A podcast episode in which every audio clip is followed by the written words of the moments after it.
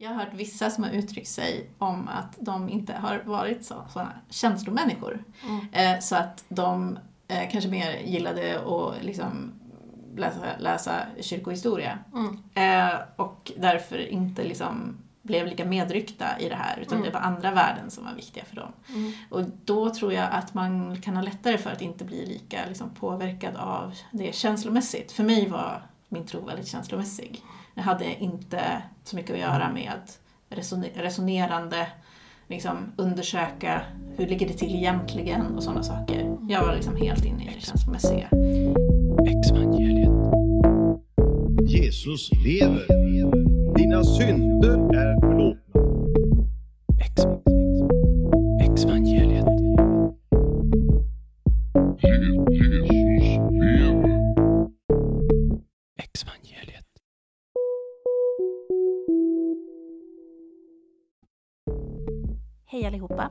Det här är Exvangeliet. Jag är Hanna Larsdotter och du är välkommen till det elfte och sista avsnittet av Exvangeliet för den här säsongen.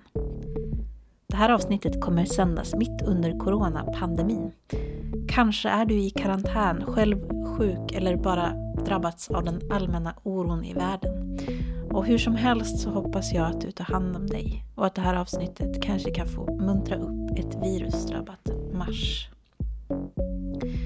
I det här andra avsnittet av två undersöker Anna, som ju är ex-mormon, min gamla rörelse, den evangelikala frikyrkan.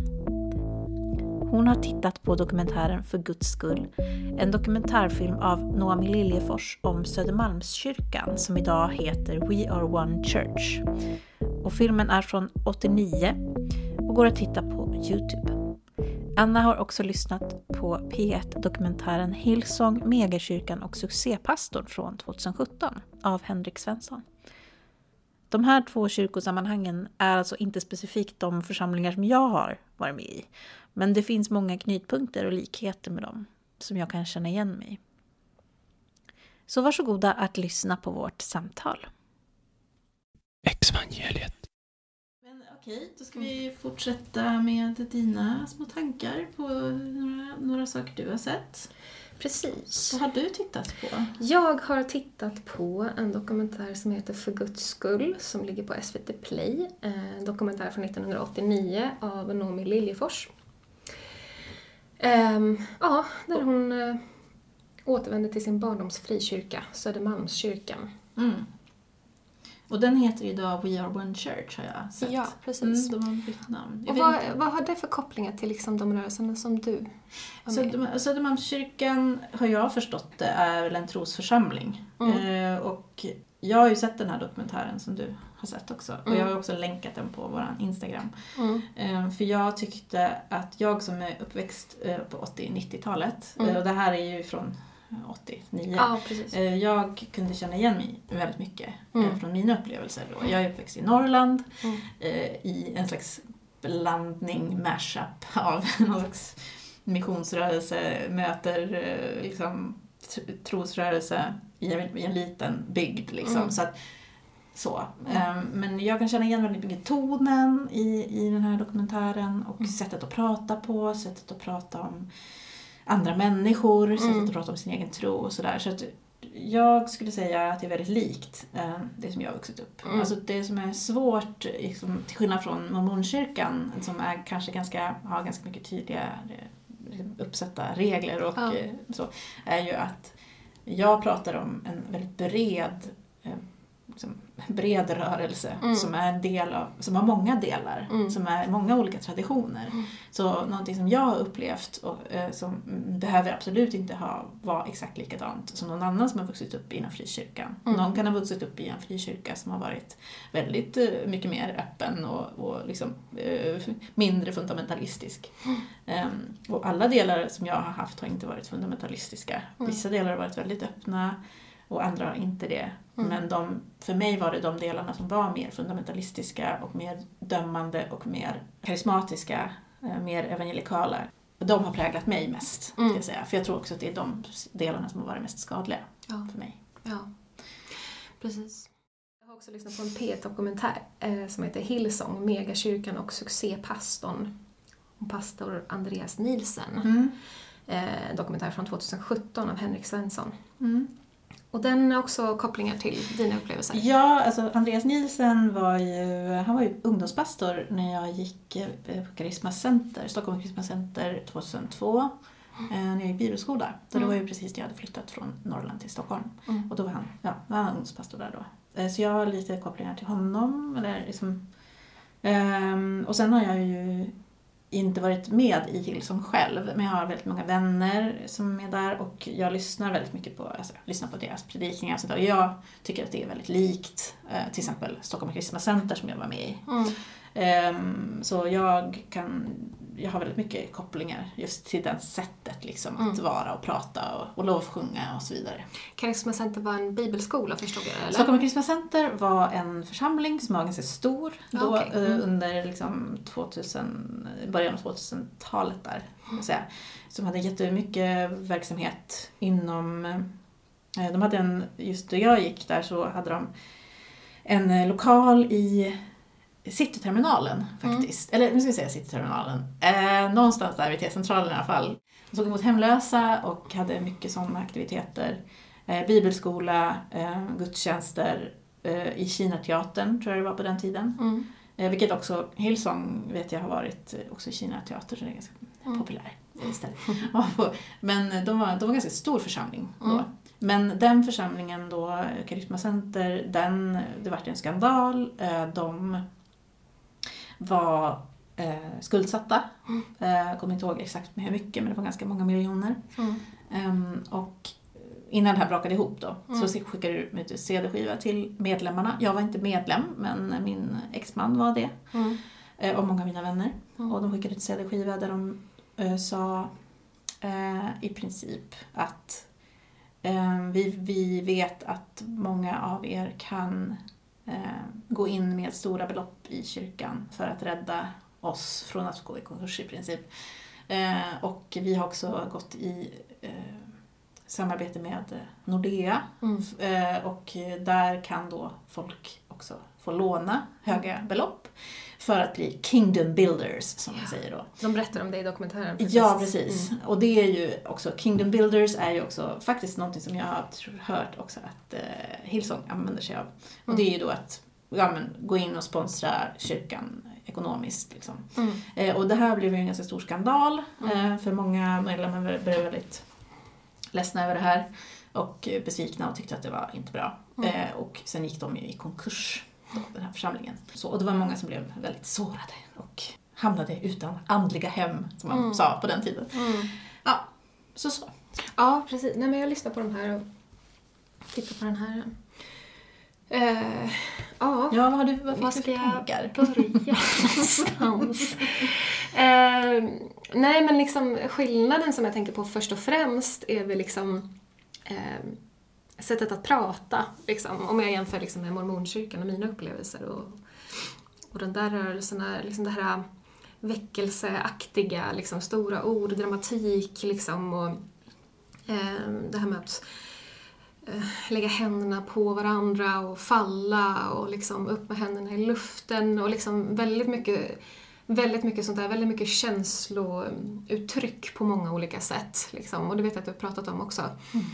Eh, det känner jag, det är verkligen en kontrast mot liksom mormonkyrkan där alla liksom sitter stilla i bänken, vi får inte ens applådera och liksom sådär. Eh, så det, det där funderar jag kring. Liksom. Mm. Jag vet att liksom Ja, men så här grejer som ja, men Jesus lever, så här, liksom, alltså, sånt kan man ju liksom fnysa och skratta åt som mormoner. Liksom, om, ah, frikyrkliga, liksom, så här. Vilket är så roligt att tänka på nu, för att det liksom, man är ändå så, här, så nära varandra. Men liksom just för att man har det här olika sättet att uttrycka sig på så kan man liksom fnysa åt varandra på något sätt. Ja, det är lite roligt bara. Ja, så alltså- tänker jag tillbaka på. Ja, ja men verkligen. Ja, det är så, jag tror inom alla kyrkor eh, som är lite mer så åt det hållet, Mm. liksom är ju, tittar ju på andra. Jag menar frikyrkliga tittar ju på mormoner och säger att det är en, liksom, det är en sekt och de är så konstiga och de Ja. har de do- konstiga dopen och de har konstiga underkläder. Och, Mm. ja.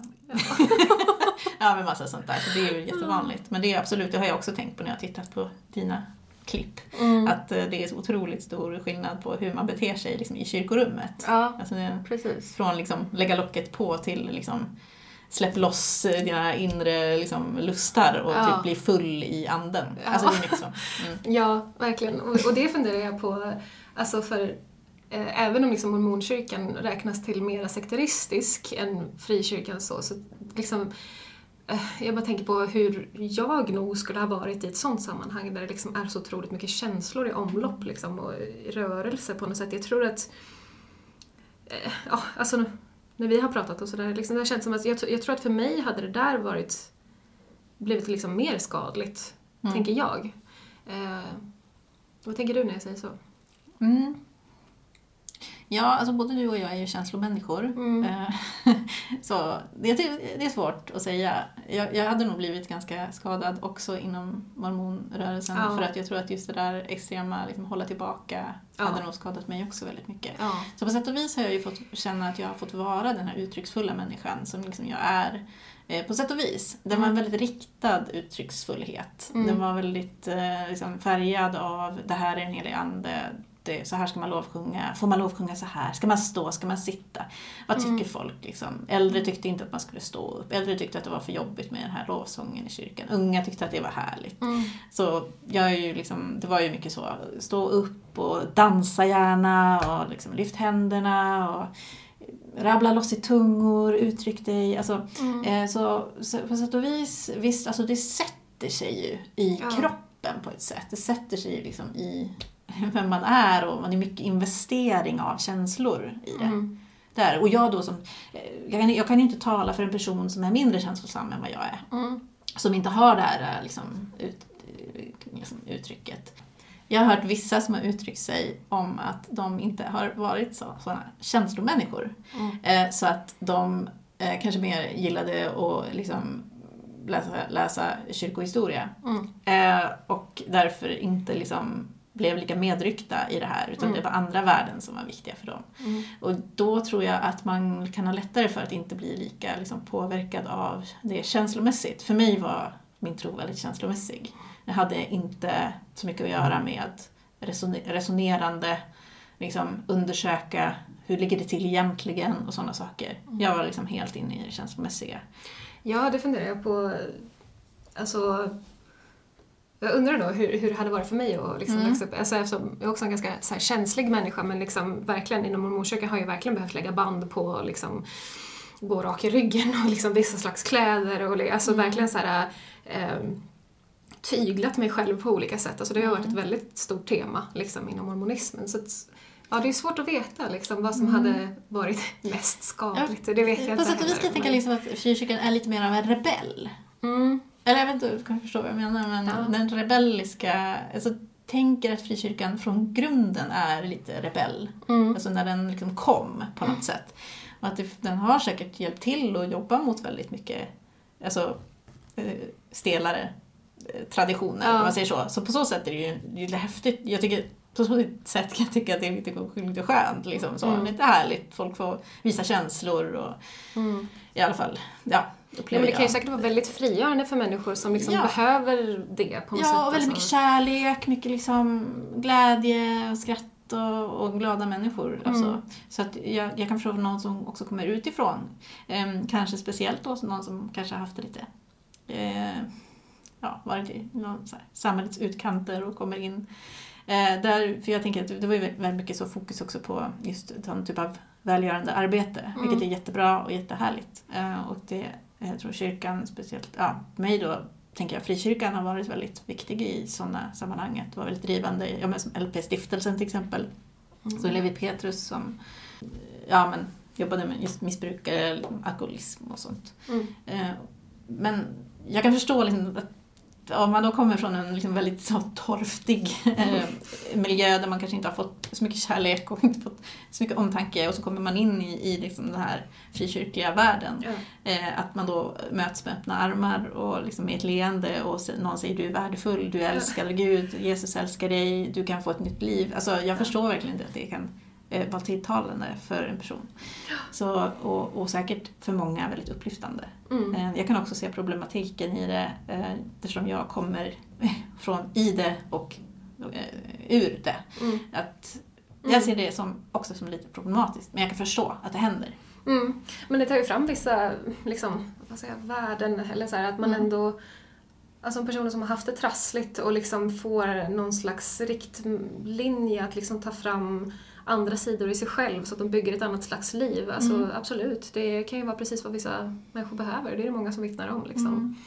Jag lyssnade på ett Sektpodden-avsnitt nyligen. Det var en, en man som berättade jättefint om sina upplevelser när han Mm. kom till Knutby som, jag tror att han gjorde samhällstjänst där.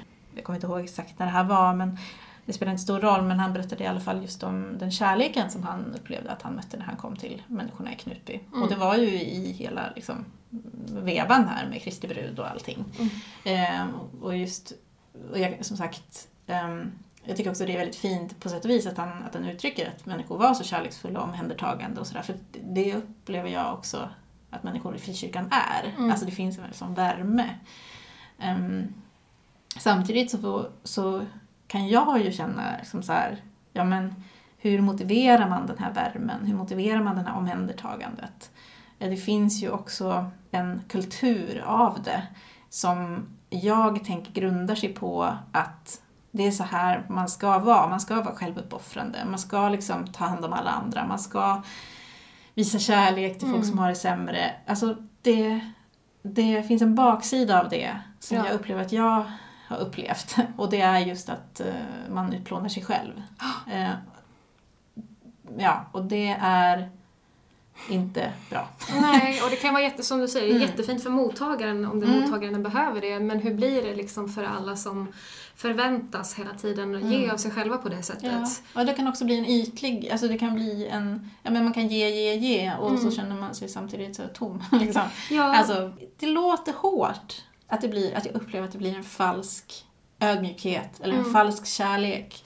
Men jag säger inte att alla har det, men det, det är någonting eh, jag...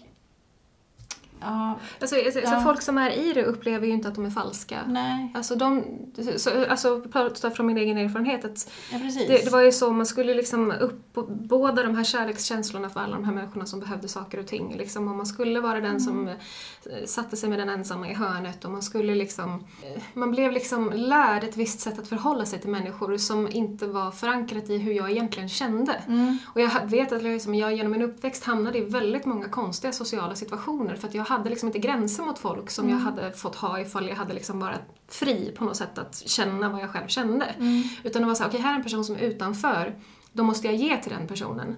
Eh, vilket ledde till att personer som var utanför liksom drogs till mig så ofta. Eh, Exakt, exakt. Och liksom Ja, gjorde att jag ja. ofta blev utnyttjad. Liksom, jag har här. precis likadana erfarenheter Ja. där. Det, Och, och, det, Mm. det liksom jag, och, och då vart jag, hamnade jag själv i sån konflikt. Liksom, att säga, ja, men jag ska ju vara snäll mot den här människan men vi passar egentligen inte Nej. ihop. Vi men egentligen jag är den som ska ha det här ansvaret. Ja. Att liksom, ja, Ja. jag, Och, och liksom, jag, jag, alltså det hamnade där igen och igen och igen genom hela min skolperiod. Liksom, för att jag, eh, jag kunde inte förhålla mig till människor på ett ärligt sätt. Mm. Liksom.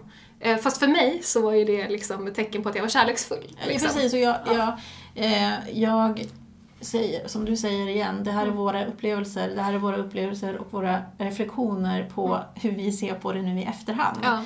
Och som sagt, Mm. det, det är bara så jag kan se, ha den synen på mig själv då. Mm. Alltså jag, känslor som jag hade jämfört med nu. Mm. Så kan jag se det som en falsk ödmjukhet, falsk kärlek. Mm. Även om det säkert eh, gjorde andra glada så gjorde det mig i slutändan eh, liksom överkörd. Eh, att jag inte kunde få upptäcka mig själv och min egen personlighet. Mm. Utan jag har måste utveckla det i efterhand. Ja. Vem är jag? Vad tycker jag? Vad tänker jag? Vem vill jag ha i mitt liv? Mm. Vem, vem får påverka mig? Mm. Eh, liksom, och det, det tror jag är jätteviktigt för liksom, eh, ja, den egna personliga Ja. Liksom, att få känna sig som en, en värdig människa. Att jag inte får mitt värde av att hjälpa andra. Nej. Utan mitt värde ligger i mig själv och Mm. jag får säga nej till folk. Jag får säga nej till att göra saker. Mm.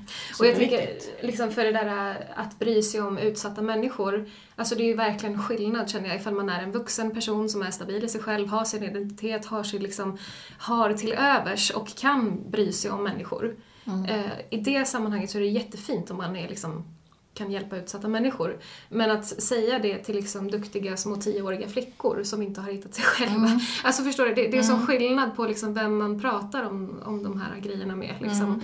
För att som, som vi pratade om, liksom, när vi var unga, liksom, vi hade ju inte möjlighet att liksom, urskilja eh, vad som blev hälsosamt och inte liksom, för oss när Nej. vi växte upp i det här. Liksom. Utan man skulle bara ge, ge, ge och finnas för, för alla andra hela tiden. Liksom. Mm.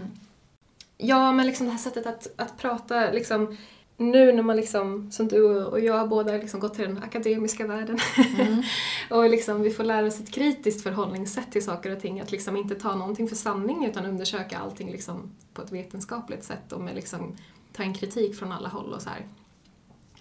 Det liksom känns så konstigt när man börjar vänja sig vid det tankesättet och sen så titta in tillbaka på de här liksom gamla, eh, liksom det här, gamla säger men det här sättet att, att predika, liksom, när de slänger ut sig massa påståenden, till exempel som Gud är den ende, Jesus lever, eh, liksom sådana där saker. eh, Att man liksom... liksom- Jesus lever. Jesus, du, som då sitter jag så nu och jag bara okej, Mm. eh, Jesus lever säger du. Okej, vad, vad finns det för belägg för det? Mm. Så ville jag börja tänka liksom. Och så liksom, man tänker tillbaka på det här liksom okritiska förhållningssättet Mm. till att lyssna på saker och ting. Eh, vilken annorlunda värld det var liksom, när man liksom bara var öppen och mottaglig för alla såna här predikningar hela tiden och alla de här sakerna som sades från de här ledarna. Liksom.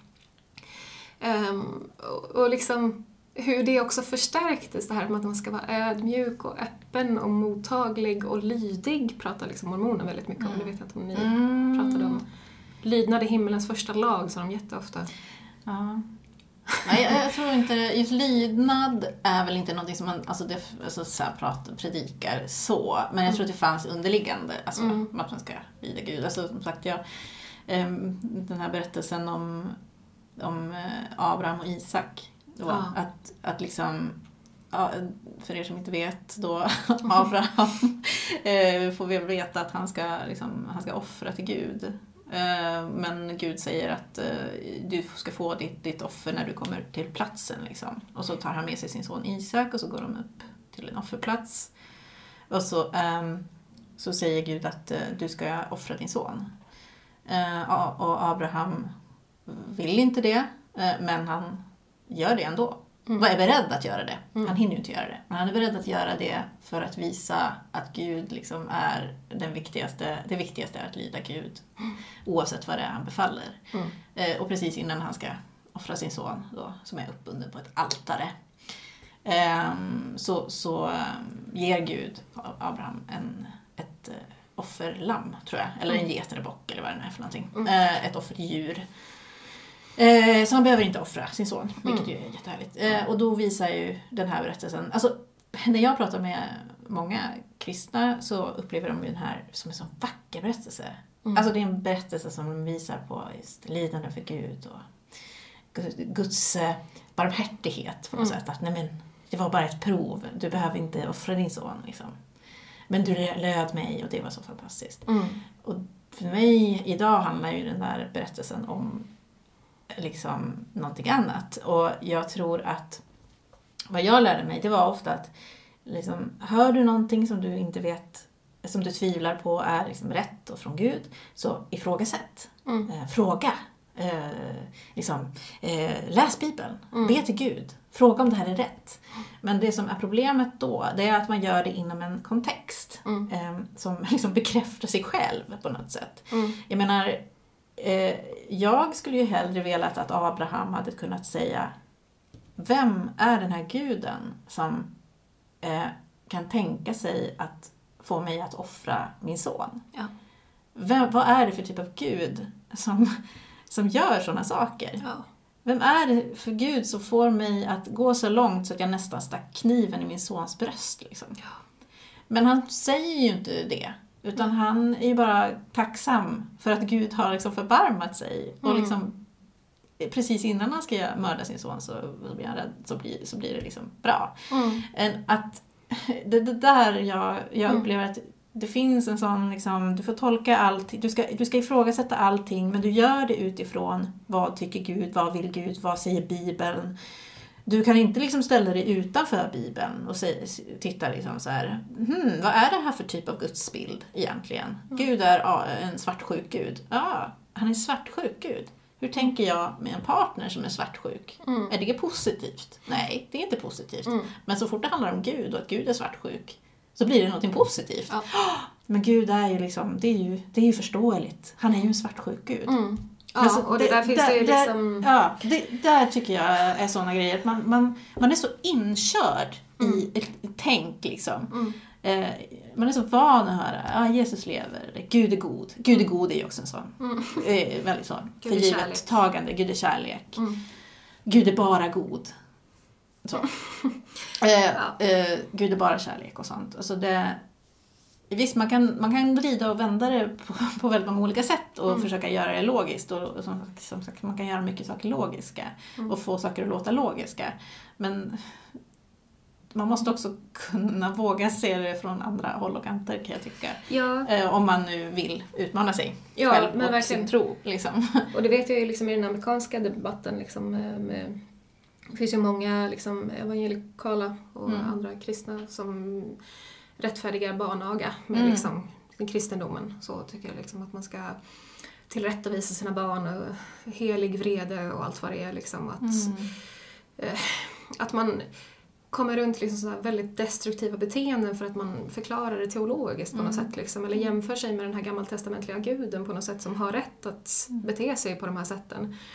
Och som du säger, liksom, så här, vad är det för gud som kräver att vi ska offra, eller att han ska offra sin son? Alltså, det, det blir liksom...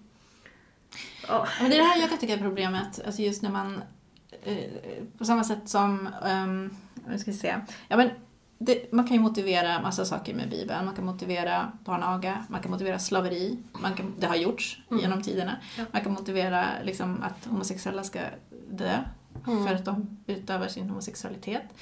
Man kan, ja, Mm. eh, otukt och så vidare. Och, och då finns det ju då de som väljer att ifrågasätta Mm. sådana saker och titta närmare på Bibeln och titta på Bibeln från teologiskt sätt.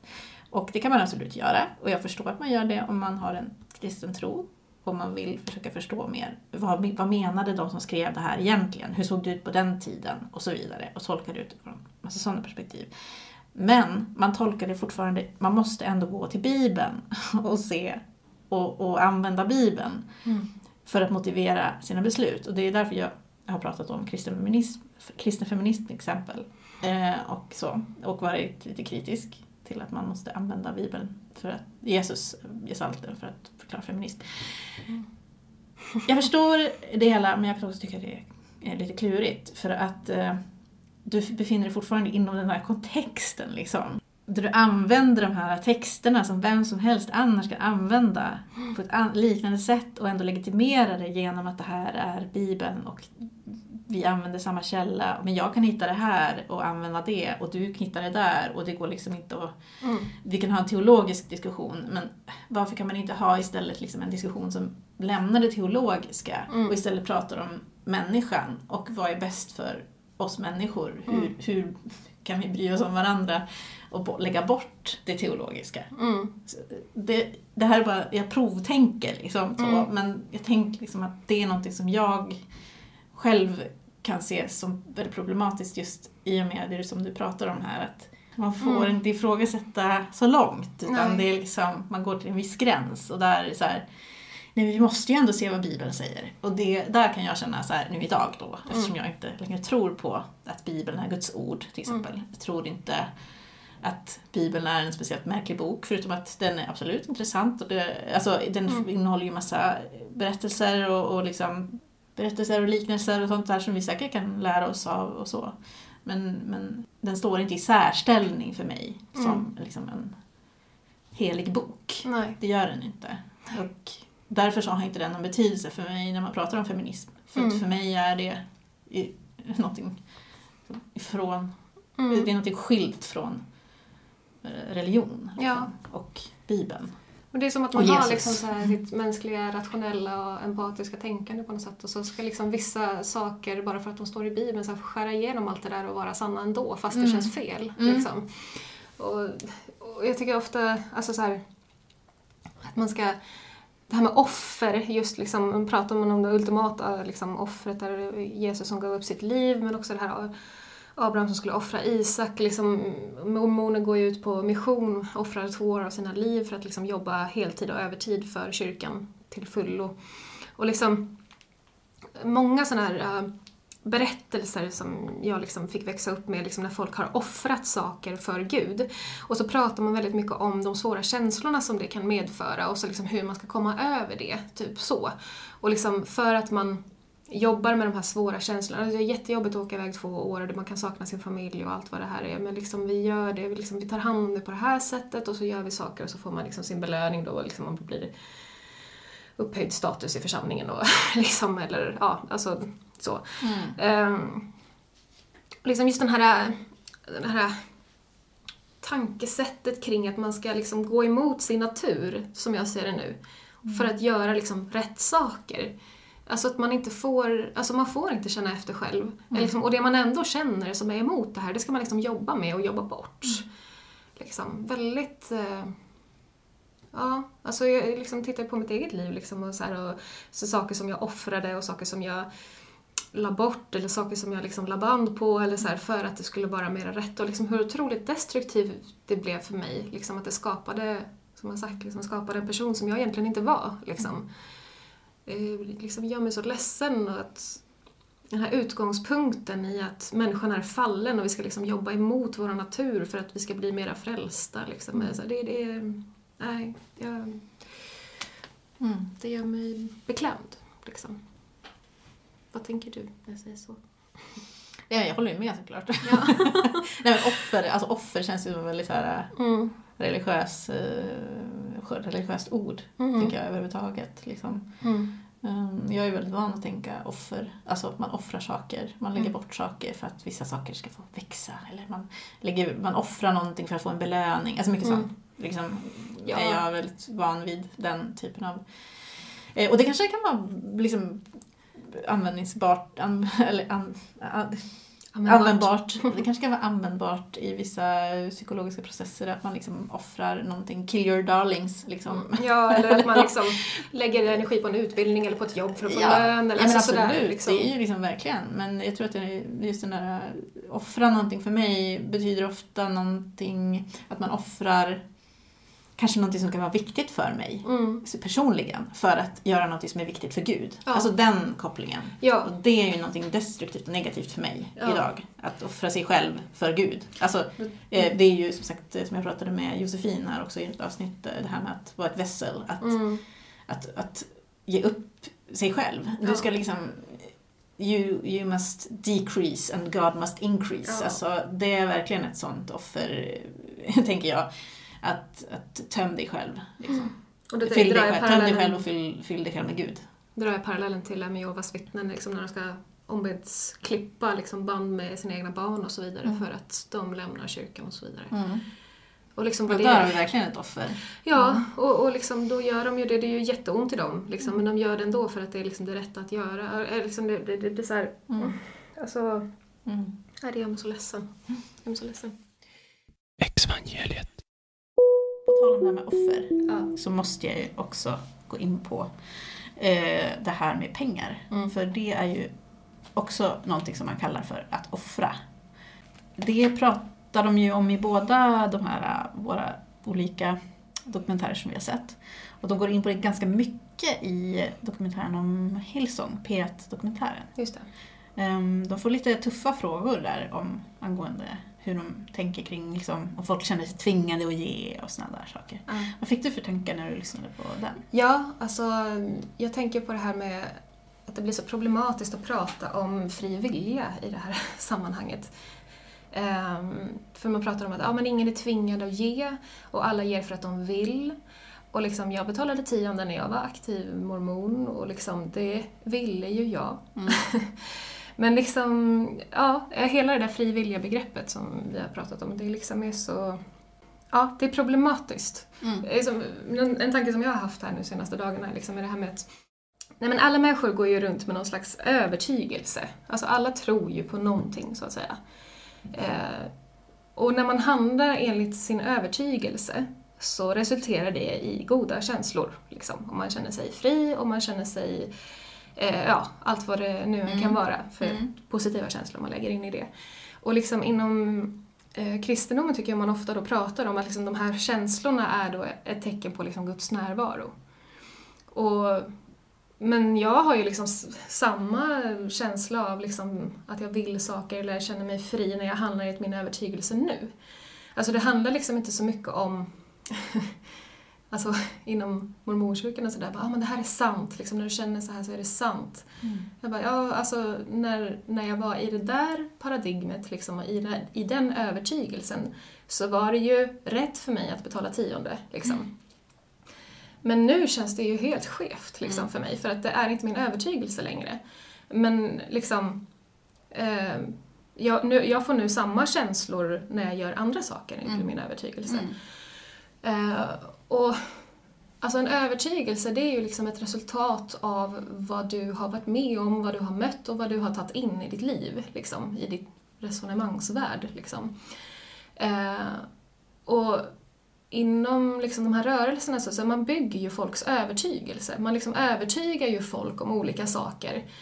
Eh, så att de vill ju till slut betala tionde. Liksom. Och det är det som jag kallar för manipulation då. Liksom. Vet inte, hur mycket fri vilja är det i det? Liksom? Eh, jag tycker inte riktigt det är ett, inte alltid ett användbart begrepp i de här sammanhangen. Vad får du för tankar?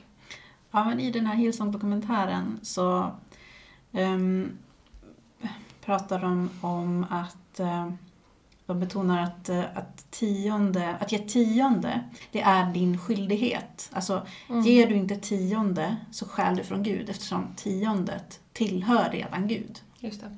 Så när vi pratar om det här som de kallar för till exempel Kingdom Builders, som finns då inom Hillsong. Och Hillsong måste jag säga är ju en, det är en australiensisk eh, rörelse från Ja. början som finns över hela världen. Eh, Så det här är inte specifikt för liksom den svenska Hillsong utan det är överlag. Mm. Eh, när de pratar om Kingdom Builders så handlar det om eh, att du ska ge utöver tiondet. Mm. Så att ger du inte tiondet så stjäl du från Gud. Mm. Och vill du vara en, som de säger, Kingdom Builders är för alla som vill vara visionära, strategiska och finansiella ledare i vår kyrka. Då kan du alltså få vara privilegiet att ge dina pengar Mm. för att bygga kyrkan, bygga Kingdom, bygga, bygga enligt Kingdom Builders. Liksom. Mm. Bygga Guds, Guds eh, rike, liksom. Guds kungarike. Eh, så att Det är någon Det- slags upphöjt medlemskap som man går in i, det, typ, jag eller? tänker att det är så de gärna vill liksom få det att va, äh, Ja. verka vara. Ehm, för de som är i det här och som är aktiva, jag tror absolut att de tycker att det här är någonting fantastiskt och bra. Och jag tror Mm. inte att de tänker på det på det sättet. Jag som inte är en del av det och som också kan vara är kritisk till det Mm. kan ju se det som eh, liksom en förvrängning av ord för att det ska låta som någonting, ett Mm. privilegie fast det egentligen handlar om att du basar in en massa pengar i en kyrka som Mm. eh, kräver ganska mycket pengar. Det är ganska mycket dyra, kan jag tänka mig, dyra liksom, hyror, Mm. eh, dyra ljud och ljusanläggningar och så vidare. Mm. Jag vet inte exakt, jag har inte satt mig in i det här men eh, jag vet inte deras liksom, ekonomi. Nej. Det är bara så som det, det ser ut utifrån. Men, eh, och det, det låter jag vara liksom, sagt. Men, men just hur det, hur det liksom framställs. Eh, och då tänker jag just det här som du sa om frivilliga. Att säga att du stjäl från Gud om du inte ger tionde. Mm. Ehm, som du säger, har man en övertygelse om att Gud finns och att det är att stjäla från Gud om du inte ger tionde Mm. så vill du följa din övertygelse. Mm. För annars kommer du att må dåligt. Och det kallas återigen för kognitiv resonans eller kognitiv dissonans. Just det. Och för är du i kognitiv dissonans, alltså att du börjar problematisera det här och ifrågasätta det för mycket, Mm. så kommer du förmodligen att känna psykisk, psykiskt obehag. Mm. Eh, och då väljer du istället att följa din övertygelse och då Mm. känns det bra. Det är en vanlig psykologisk process hos människor. Ja.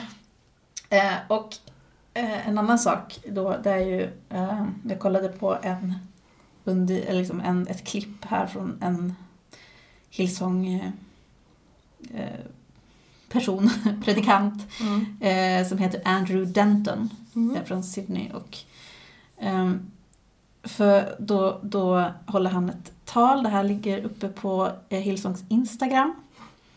Eh, och då säger han, översatt, eh, när du tagit, tar ett steg i tro, det där läskiga trosteget, det borde bara dra dig närmare Gud. Du kanske tror att Kingdom Builders handlar om pengar. Det handlar inte om pengarna. Det har aldrig handlat om pengarna. Det har alltid handlat om en grupp människor som har bestämt sig för att ha ett starkare, större, bättre relation med Gud.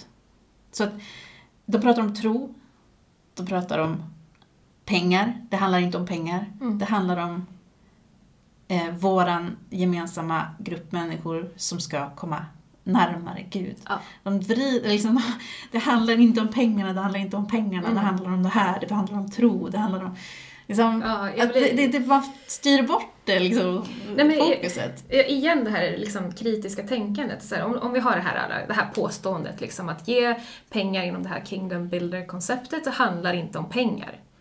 Säger de. Mm. Och jag tänker så här, okej, påstående, eller liksom grejen här, att ge pengar inom det här konceptet. det kan man se på, på massa olika sätt. Du kan se det som att du bara vill liksom bygga Guds rike. Du kan se det som att du liksom handlar i din övertygelse. Du kan se det som att det är manipulation, att det handlar om pengar. Du kan se det som att det är giriga människor som liksom vill åt dina ägodelar. Alltså, vi- alltså du, du kan se det på så många olika sätt, samma handling. Eh, men så ska man liksom stänga bort alla de här olika förklaringarna, förutom en, liksom, som är den sanna då. Det här är inte, det handlar inte om pengar. Och så säger folk amen och halleluja.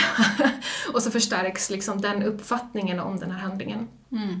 Istället för att liksom så här, ja, den här handlingen kan betyda massa olika saker. Vad betyder den för dig? Och vad blir rätt för dig? I, liksom, I ditt liv och med allt vad du upplever och allt du tycker och tänker. Liksom, alltså, det är det här, liksom, gå från det okritiska till det kritiska tänkandet. Ja. Liksom, tänker jag. Precis, och, och i, även i den här dokumentären så säger då Andreas Nielsen att, för han får också lite kritik för an, hur mycket pengar han tjänar och sådär, av Mm. den reporten då som gör det här. Ja, men han säger då bland annat att ja, det är inte han som bestämmer sin lön, de har en styrelse för det, men också att han lägger ner så otroligt mycket tid, och det kan jag verkligen tänka mig att han gör. Han har ju otroligt mycket att göra, det verkar det som. Eh, Men han säger också att vi är som vilket företag som helst. Mm. Och det där reagerade jag också på. Ehm, det kan ju ha att göra med att jag är lite mer av en socialist. som verkar också vara väldigt smutsigt och fult. Mm. Eh, nej men liksom att, eh, att det är fel att tjäna pengar. Det är fel, alltså jag menar inte att det är fel att ha pengar. Mm. Men jag har lite svårt för att liksom ändå när man pratar om så här, åh gud är kärlek och vi ska liksom finnas till för andra människor och liksom, så börjar man prata om att vi är bara ett företag som alla andra. Mm. Alltså det, det är liksom så här, Rim, rimmar lite dåligt. det, det är så här kapitalism, eh, alltså jag vet inte, men Mm. jag ska inte ge mig in på politik här, men det gör jag ändå. Ja. men att, eh, jag, jag tycker att det är lite, jag har svårt att, att liksom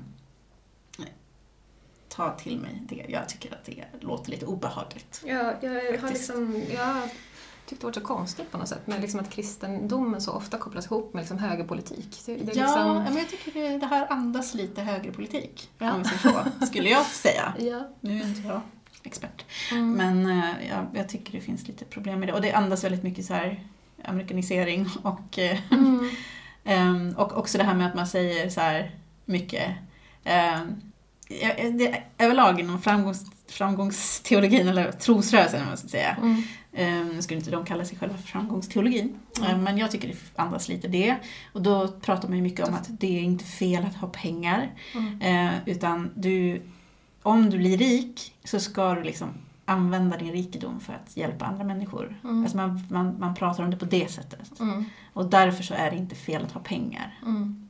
Ja, men, det blir som ett vridet sätt att prata om det på. Liksom. Mm. Visst, det är jättebra att man hjälper folk att, liksom, om man har mycket pengar och så Mm. ger man mycket men jag tror knappast att det används Mm. alla gånger på det sättet. Nej. Det är ju ganska lätt att utnyttja det. Mm. Liksom.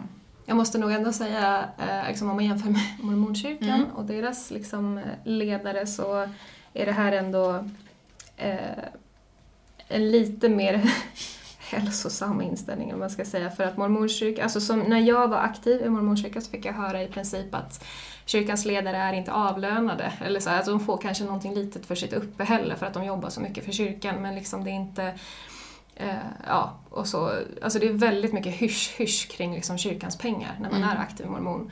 Eh, det är ingen, som jag sagt i något avsnitt, så det är ingen som vet vad som görs med de här pengarna. Så har det kommit läckor liksom att de här eh, högsta kyrkledarna får väldigt höga löner liksom. Och att eh, mormonkyrkan i USA är liksom en av de som har de största eh, fondinnehaven av liksom alla företag. Liksom. Mm. Alltså, de ja, jag borde kollat upp det här bättre men det är liksom, de är topp tre eller någonting liksom, på rikedom som de har. Eh, och det är liksom ingenting man får reda på som Mm. aktiv mormon. Så det pågår rättsprocesser och så nu vet jag i USA mot mormonkyrkan för just de här sakerna för att de upplever liksom att de blir vilseledda. Ehm, så att ändå, så här, i allt det här så kan ja men ändå någon slags eloge till Hillsong att de ändå är öppna med liksom, att, att de har löner och sånt där. Ja, Eh, jag, så- jag är faktiskt inte så insatt i exakt hur öppna Mm. de är med, alltså Eller, det vet alltså, inte jag. Eloge Men absolut. fel, men jag, jag bara Nej, såhär, jag, men, men, men, alltså det är ju inte lite bitter jag är liksom över pengarna man har skänkt till den här kyrkan och liksom blivit lurad av vad, liksom, vad de Ja. här pengarna gick till eller att det liksom var för min frälsnings skull. Ja. Det liksom gick rakt in i... Jag, vet- jag tror, alltså man ska ju inte, och det är väl bra, man skäms ju, alltså inom Hillsong, det känns ju inte som att man skäms. Mm. Alltså det, det finns inte ens, man skäms inte eh, över att ha pengar. Jag vet inte om det är bra eller dåligt men Mm. jag vet inte heller hur deras liksom, redovisning ser ut och sådär. Mm. Det tänkte jag inte ge mig in på men absolut, det är väl bra att man har en öppenhet kring vad pengarna går till. Ja, alltså snälla, det är självklart. Det är, Det liksom är ju mormonkyrkan underbart. som, är under all kritik. Nej men det är ju, Mm, det är ja. ju bra. Men, eh, nej, men absolut, alltså pengar är ju ett, gissel. Eh, Hur, som helst ska vi ju också betona att vi tycker ju såklart att välgörenhet är ju bra.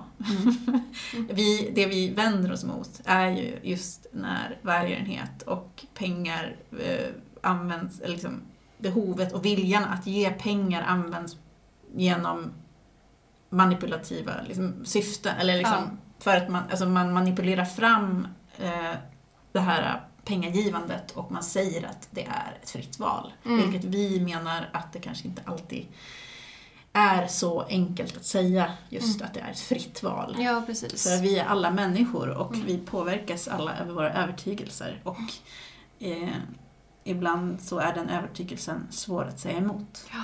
Även om det kanske vore hälsosamt att göra det. Ja, och liksom, det blir också väldigt problematiskt tycker jag när man eh, har den här andliga dimensionen så att säga och, och kopplar ihop sitt pengagivande med sig, liksom, sin frälsning.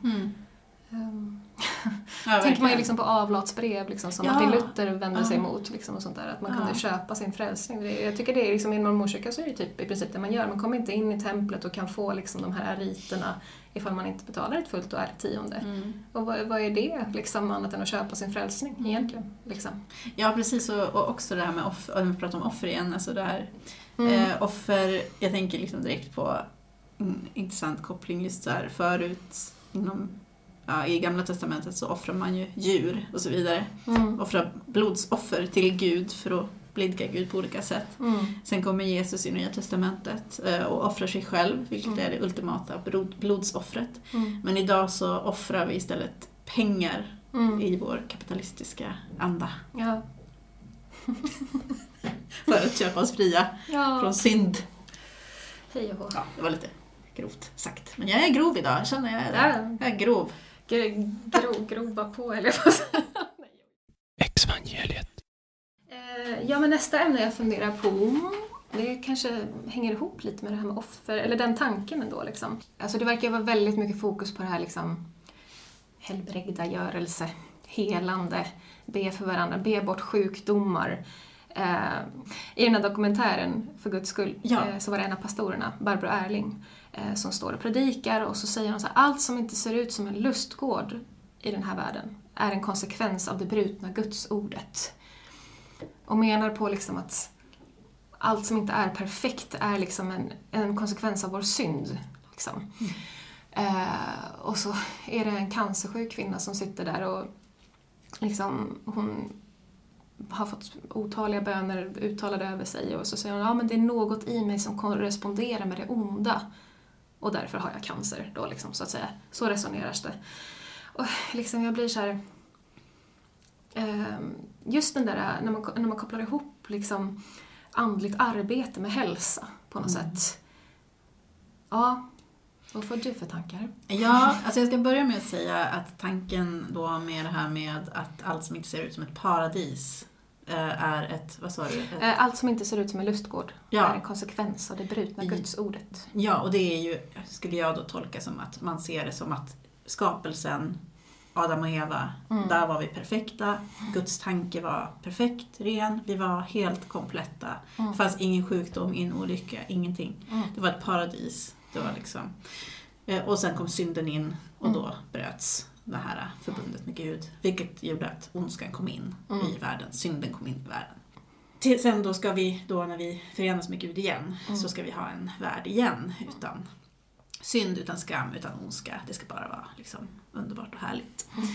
Och ja, vad tänker jag? Då var frågan där, vad sa du? Ehm, handlingar och Ja, alltså när man- prestation. Ja, liksom, alltså Ja. andligt arbete på något sätt, Mm. alltså andlig prestation eh, liksom ska resultera i hälsa. Ja, precis. Ja, det där är ju, tycker jag är jättetalande för oavsett om man vill det eller inte, för just eh, specifikt eh, trosrörelsen. Mm. Och som sagt, ja, det här är problematiskt när man pratar om trosrörelsen eftersom när alltid när man pratar om såna här grejer så är det så Vissa kommer att säga vi är inte det, vi är det, vi, vi Mm. tillhör den här traditionen, vi tillhör inte den här traditionen. Mm. Alltså, jag kommer bara prata om det jag har varit med om. Ja. Och det är just den här att man använder trosbegreppet som, eh, jag vill säga så här, du ber för en person eh, och personen har cancer.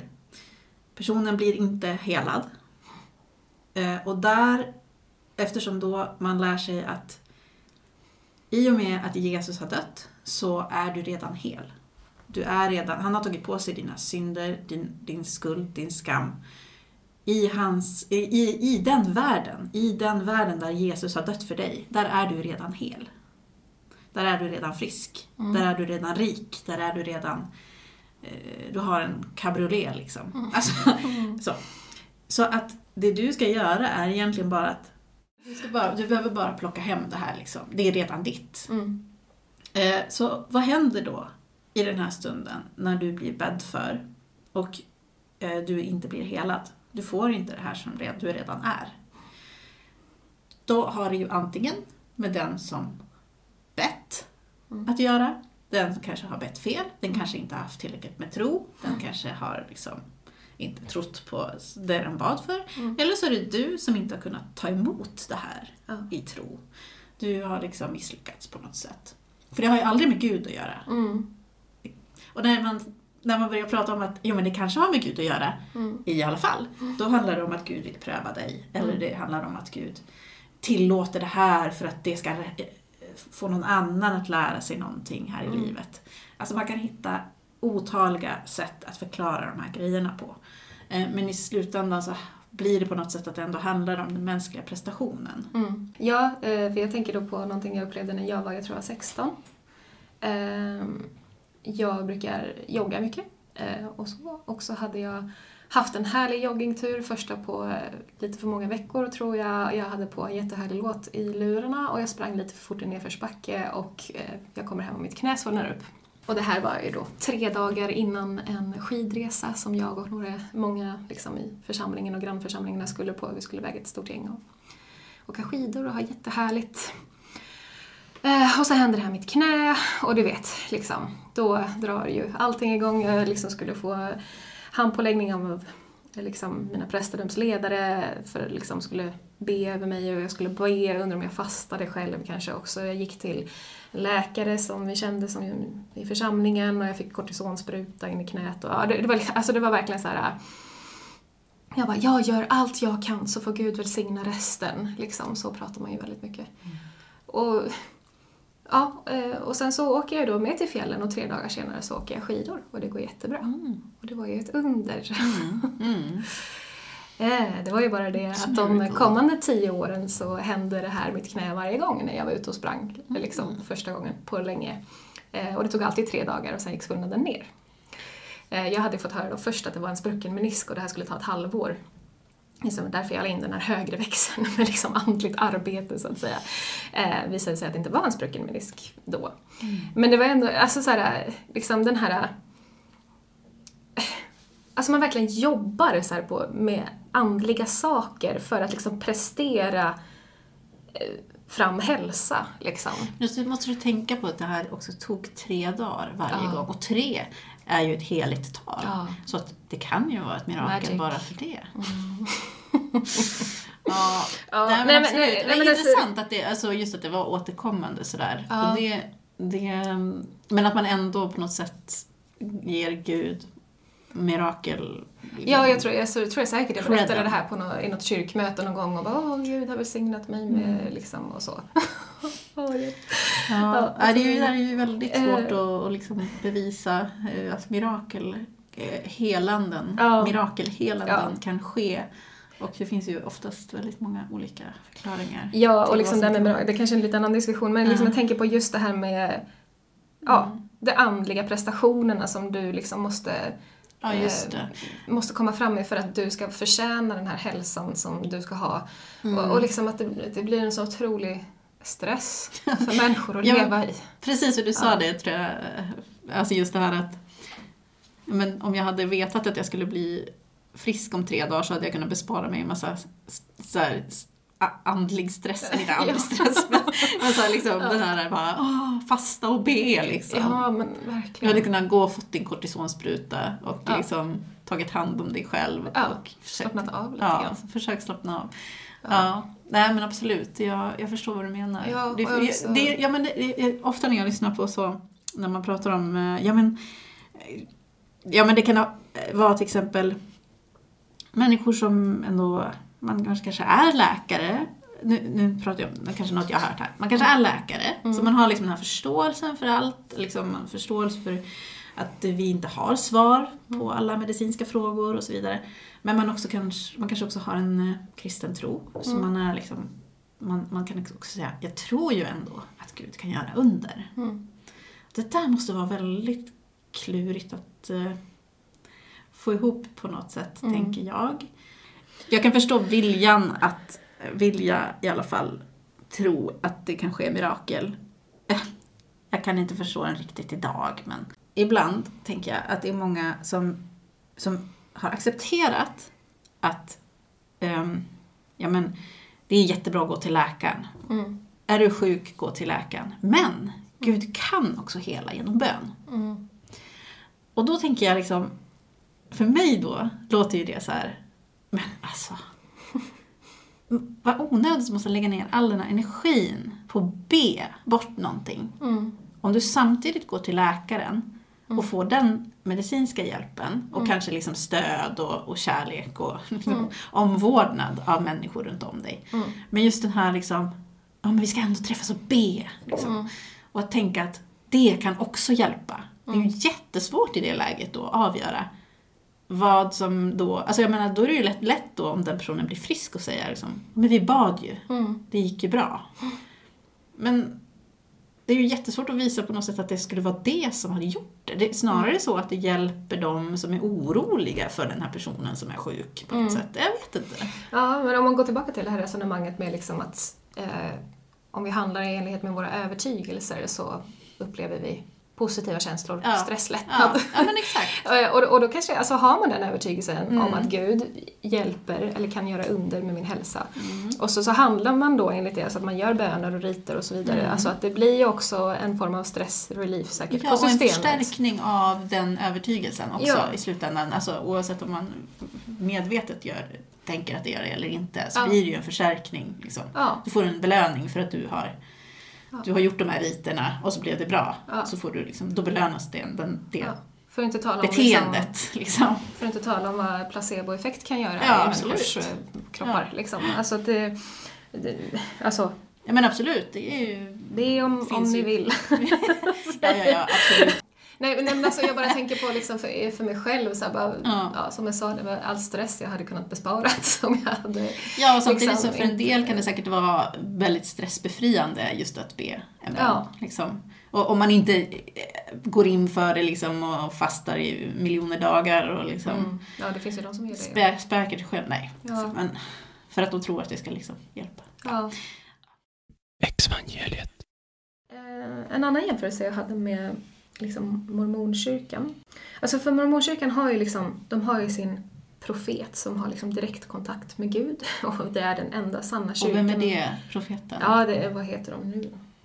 Henry. Alltså det är inte Joseph Smith som du tänker på då? Jo, alltså han var ju den första då. Ja, han var ju den som återställde Guds sanna kyrka till jorden. Och sen så efter honom så nu är de på profet nummer 17 tror Ja, jag. det finns, det är ett Henry led. E. Eyring tror jag han heter.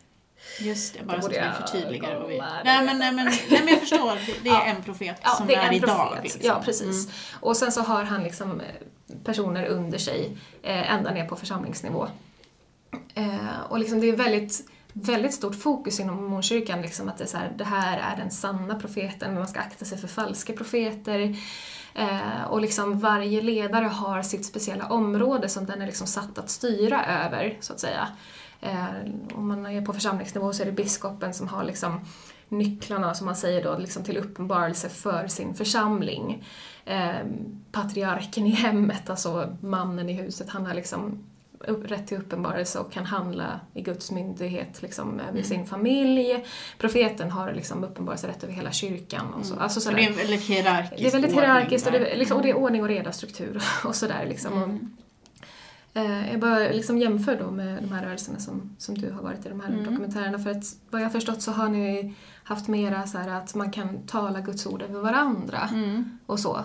Eh, absolut. hur, hur har det varit för vad du Mm, har ja, ja, ja, jag skulle ju absolut känna att jag skulle kunna profetera över någons liv. Mm. Över Eh, mig? Över dig. Och, och profetera tror jag då kan vara mycket mer att man pratar om till exempel ehm, ja, men Det kan bara vara att man pratar liksom pratar in i någons liv, pratar över någons liv. Typ Mm. pratar godhet över någons liv, tänker jag. Det kan också vara en typ av profetia. Alltså, eh, jag känner att du kommer att liksom må bra. Mm. Jag känner att du kommer att få Guds välsignelse idag. Det kan vara en profetia. Ja. Det är en väldigt enkel profetia. Men, Mm. eh, men också att man kan tala ut grejer över någons liv. Liksom verkligen tala helanden eller liksom tala jag känner att du kommer att göra stora saker för Gud. Jag känner att du kommer att... Eh, man kanske inte är så specifik, Mm. tänker jag, alla gånger. Mm. Ehm, men, men absolut att alla skulle kunna Mm. profetera över varandra. Det, Ja. det är också en del som hör till andedopet, tänker jag. Att man, Mm. man får profetians gåva då, eventuellt. Så det, det, man ska ju kunna göra som Jesus gjorde. Du ska kunna hela, du ska kunna profetera, du ska kunna liksom tala Guds ord över andra människors liv. Det. Och det är ju också en, en, en men lite av charmen, det är ju liksom... ja men det är ju det här liksom, det så här, alla ska kunna få ta del av det på Just sätt. Ehm, Ja, där är ju mormonkyrkan väldigt patriarkal. Ja, det är bara, där får ju bara männen prästadömet, som det heter, som är liksom rätten att göra de här sakerna. Precis, men däremot så kan jag känna i vissa av rörelserna som jag har varit med i så har det också funnits en hierarkisk ordning. Eh, Även om varenda församlingsmedlem uppmuntras till att profitera över varandra på ett liksom, ja, kanske inte lite lika avancerat sätt, men alla kan göra det. Och så har du ändå de här liksom, du har pastorerna, du har en, någon, någon pastor som kanske är lite mer profet, som har den profetiska gåvan. Eh, och jag menar, då kan du ju säga, den här personen kan ju nästan säga vad som helst och du kan ändå säga så här, ja men den har ju ändå den profetiska gåvan. Mm. Så att det måste vi ju ändå tänka på. Liksom. Ute i, alltså på tal om att inte ha ett kritiskt tänkande kring vad människor säger. Liksom. Ja. istället för att då säga, hmm, hur kan den här personen veta det? Hur kan jag veta att den här personen har fått höra Guds röst? Mm. Hur kan jag veta det till skillnad från att en person, vem som helst, kan säga jag har hört Guds röst, den säger det här. Alltså det, det, det finns liksom en förförståelse att den här personen har fått en gåva av Gud. Mm. Eh, och då är kanske den personen då lite, lite mer, har ju högre liksom trovärdighet kanske än någon annan som kommer, liksom någon vanlig församlingsmedlem som kommer och säger någonting. Men det skulle ju kunna hända också. Så, så att, ja, absolut inte samma typ av hierarki, i alla fall inte där jag har varit. Men så finns ju hier- hierarkier såklart. Mm. Mormonkyrkan är liksom en så stor organisation som är liksom... Eh, ja. Ja, men om man tänker till exempel i Knutby, där hade du ju, där ser man ju verkligen den här på något sätt att vem som helst nästan Mm. kan liksom på säga att jag hör Guds röst Mm. och du, du ska göra det här. Mm.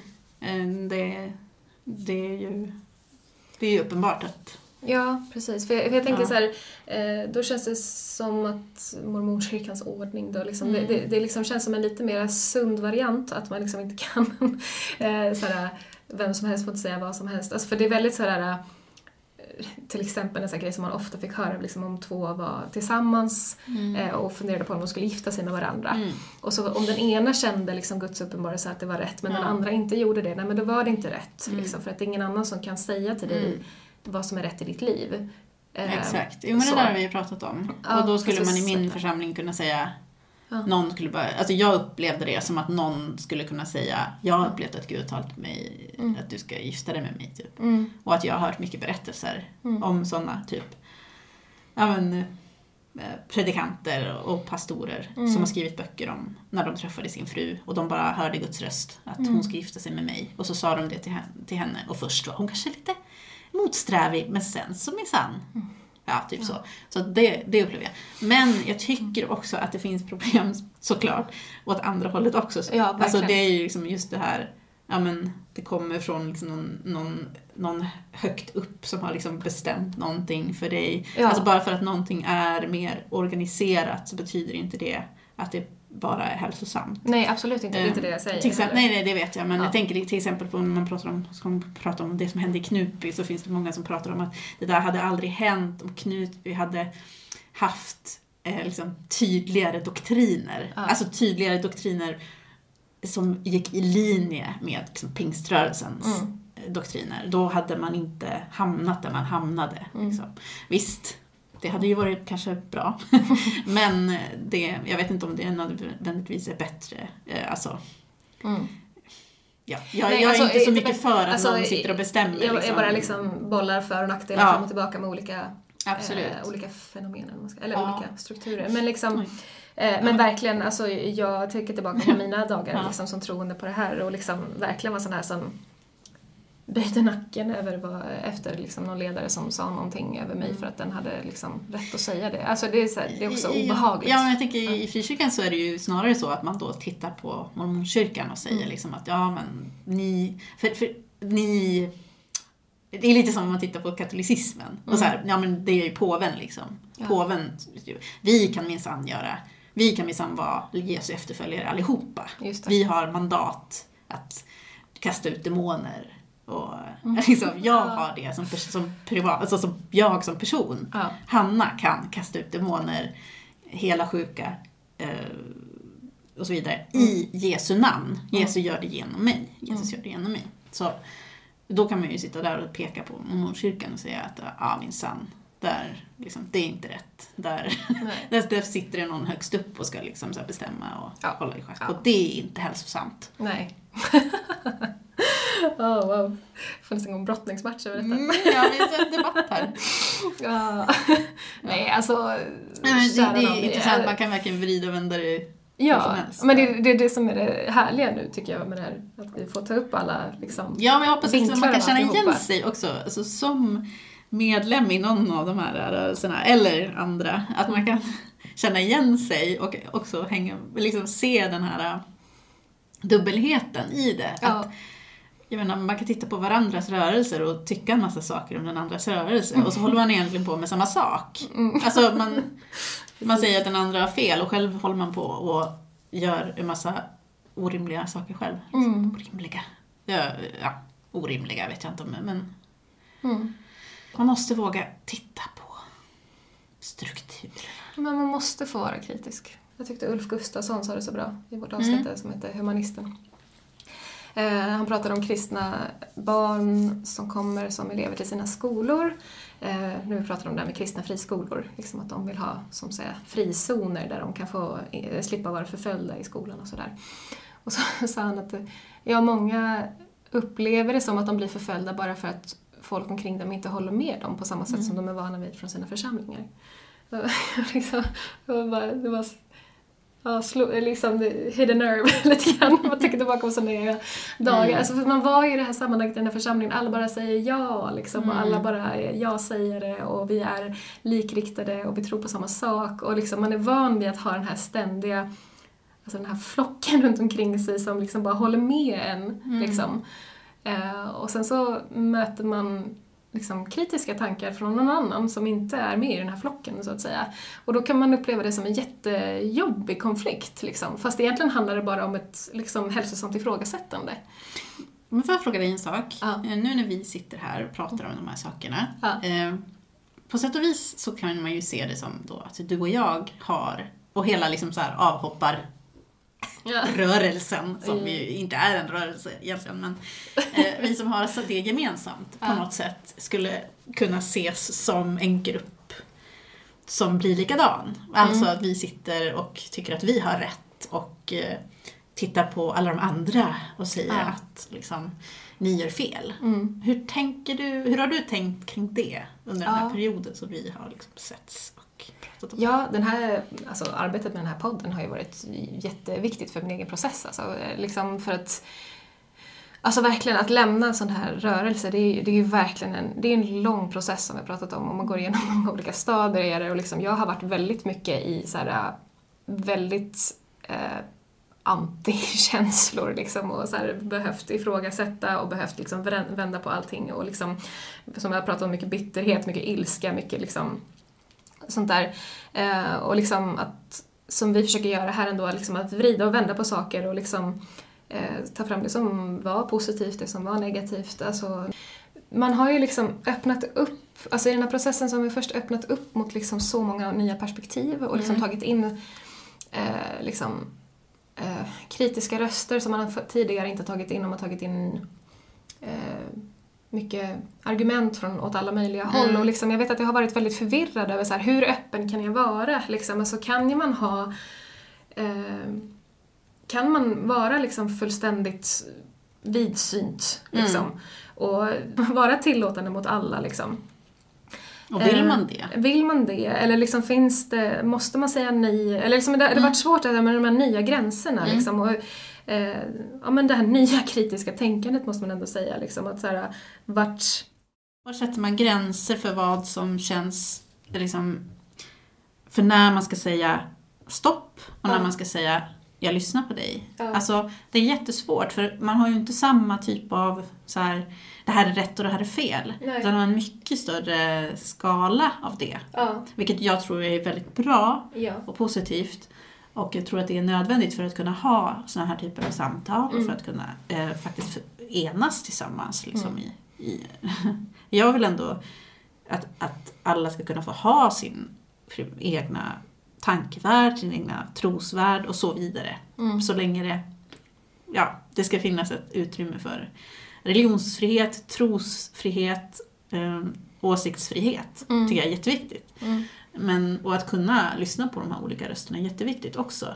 Men, och då blir det också svårt att säga så här, nej men det här känns faktiskt inte helt okej. Mm. Det här känns liksom som att här sätter jag ner någon slags gräns. Liksom. Ja. Visst, I vissa fall blir det ganska uppenbart Mm. liksom, när det handlar om renskär, misshandel och, Mm, mm. och, och såna här hemska saker liksom, som jag som människa liksom, tycker känns instinktivt fel. Ja.